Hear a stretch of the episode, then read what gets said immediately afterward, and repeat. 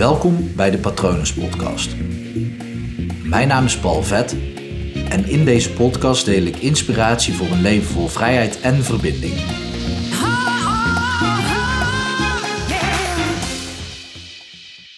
Deze week, en ik heb dat wel vaker, dat ik ehm, cliënten spreek en dat dan het lijkt alsof ze in bosjes samenvallen. Alsof, uh, ik zal het uitleggen, ik zit nu te denken dat ik dat vroeger op, uh, toen ik op de klantenservice bij T-Mobile werkte, ook had. Ja, toen had ik ook wel eens dat er dan op een dag bijvoorbeeld um, van de 100 klanten die ik sprak, waren dan opeens 15 klanten die dezelfde vraag hadden. En deze week heb ik dus een aantal cliënten, niet allemaal hoor, maar een aantal gehad die, die hier tegenaan liepen. Namelijk dat ze de overtuiging hadden, deden, dat ze iets moesten doen om liefde te krijgen. En wat ik dan vaak zie, en ik moet eerlijk zeggen dat ik zelf ook wel eens die overtuiging heb gehad vroeger. En ik denk dat we dat allemaal wel een beetje in ons hebben zitten. Maar ze hebben dan de overtuiging dat ze heel veel moeten geven. En dan zijn ze vaak tevreden met een heel klein beetje wat ze dan terugkrijgen. En wat er dan ook nog eens aan de hand is, is dat dat deel wat ze dan terugkrijgen, dat ze dat zeer moeilijk vinden om dat te, ja, te kunnen ontvangen. Te ontvangen wilde ik zeggen, maar te kunnen ontvangen. Waardoor ze dan, als ze dan iets ontvangen, ook nog eens een, het idee hadden van shit, ik heb weer iets ontvangen, dus ik moet weer iets teruggeven. Dus wat ik van de week ook bijvoorbeeld als voorbeeld gaf, um, een cliënt die geeft dan 100 punten aan iemand. Hier heb je 100 punten liefde. En dan kom, komen er vijf punten terug, want ja, heel veel meer ruimte voor liefde in heel die relatie, ik zeg niet dat dat hun partner is, hè, maar de relatie die ze met de persoon hebben, heel veel meer liefde dan 105 in totaal, dat, dat gaat gewoon niet, want dat is al too much. Dus iemand geeft dan al 100, wat al veel te veel is eigenlijk. Dan komt er 5 terug, want de ander die, die kan, die heeft nog maar 5 ruimte over om dat te geven. En van die 5 vindt diegene die dan 100 heeft gegeven ook nog moeilijk om, om die 5 aan te pakken. Vaak pakt hij niet, niet eens iets aan. Of diegene pakt één aan en geeft dan weer vijf terug. Of eigenlijk honderd weer terug. Omdat diegene daar niet mee kan zijn. Het is heel moeilijk voor ons om te ontvangen. Om gewoon dankjewel te zeggen en te aanvaarden dat je iets wordt gegund. Dat je iets wordt gegeven. Zonder dat jij dus iets moet doen. Dus die cliënten hebben dan, en waarschijnlijk herken je dit ook wel, anders zou je deze aflevering denk ik niet luisteren.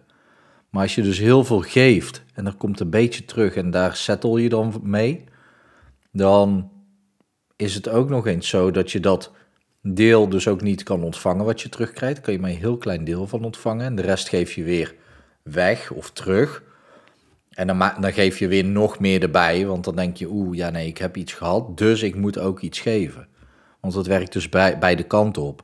Als jij de overtuiging hebt dat je heel veel moet geven om te kunnen ontvangen, dan zal je altijd wanneer je iets ontvangt, automatisch heel veel gaan geven. Dat zit zo aan elkaar gekoppeld.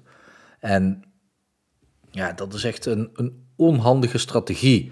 Want daaronder zit waarschijnlijk ook nog het gevoel van, ja, het liefste zou ik wel heel veel willen krijgen. Maar dat laat je dus gewoon niet toe en dat is dus het probleem. Dus misschien herken je jezelf wel dat je ook iemand bent die superveel geeft en dan best wel blij kan worden met dat heel, hele kleine beetje wat terugkomt.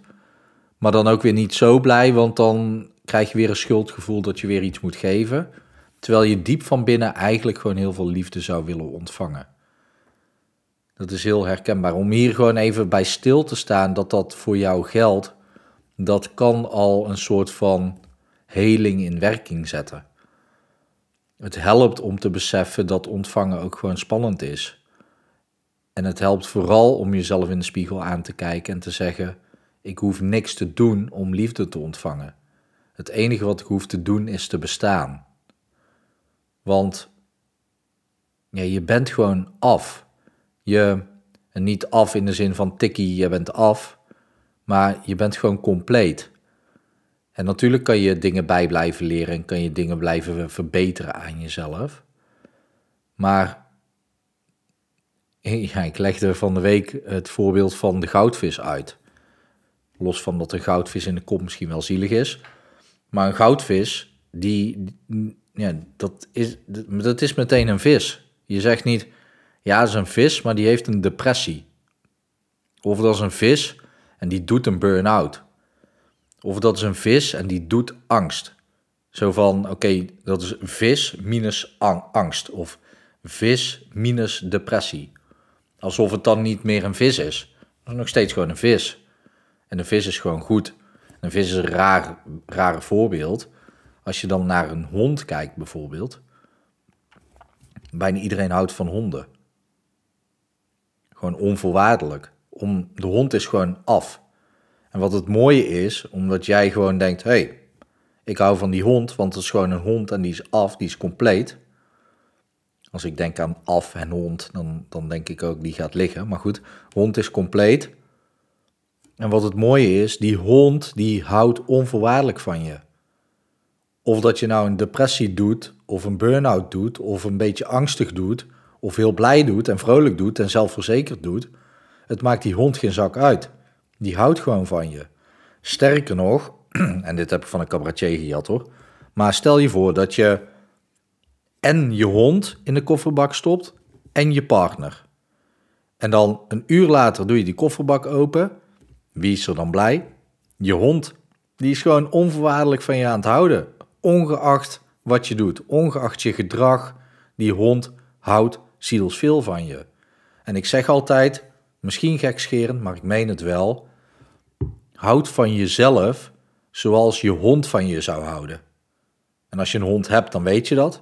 En als je geen hond hebt, dan kan je het wel voorstellen. Houd onvoorwaardelijk van jezelf. Je hoeft niks te doen, je bent al compleet. En je bent het waard om van gehouden te worden. En dat is zo belangrijk om in je oren te knopen, gewoon letterlijk. Maak die beweging maar, knoop het maar in je oren dat je het waard bent en dat je niks hoeft te doen. Dat is de boodschap die ik vandaag echt wil meegeven aan je. Zo belangrijk. Het is niet voor niks dat het ook naar voren komt met, uh, ja, bij een aantal cliënten tegelijk deze week. En ja, ik weet gewoon als één iemand er tegenaan loopt, dan zijn er automatisch veel meer mensen die er tegenaan lopen. En alleen al besef dat je goed genoeg bent, dat het oké is om niks te doen, dat je mag zijn, dat je mag zijn, niet, niet eens er mag zijn, gewoon mag zijn. Gewoon niks doen en dan liefde ontvangen. Als je dat beseft, dan ontstaat er iets moois in je. Ja, in je. Ik hoop natuurlijk dat het goed met je gaat. Ik hoop ook dat het goed gaat met dierbaren van je. En ik wens je natuurlijk ook gewoon een hele mooie dag toe.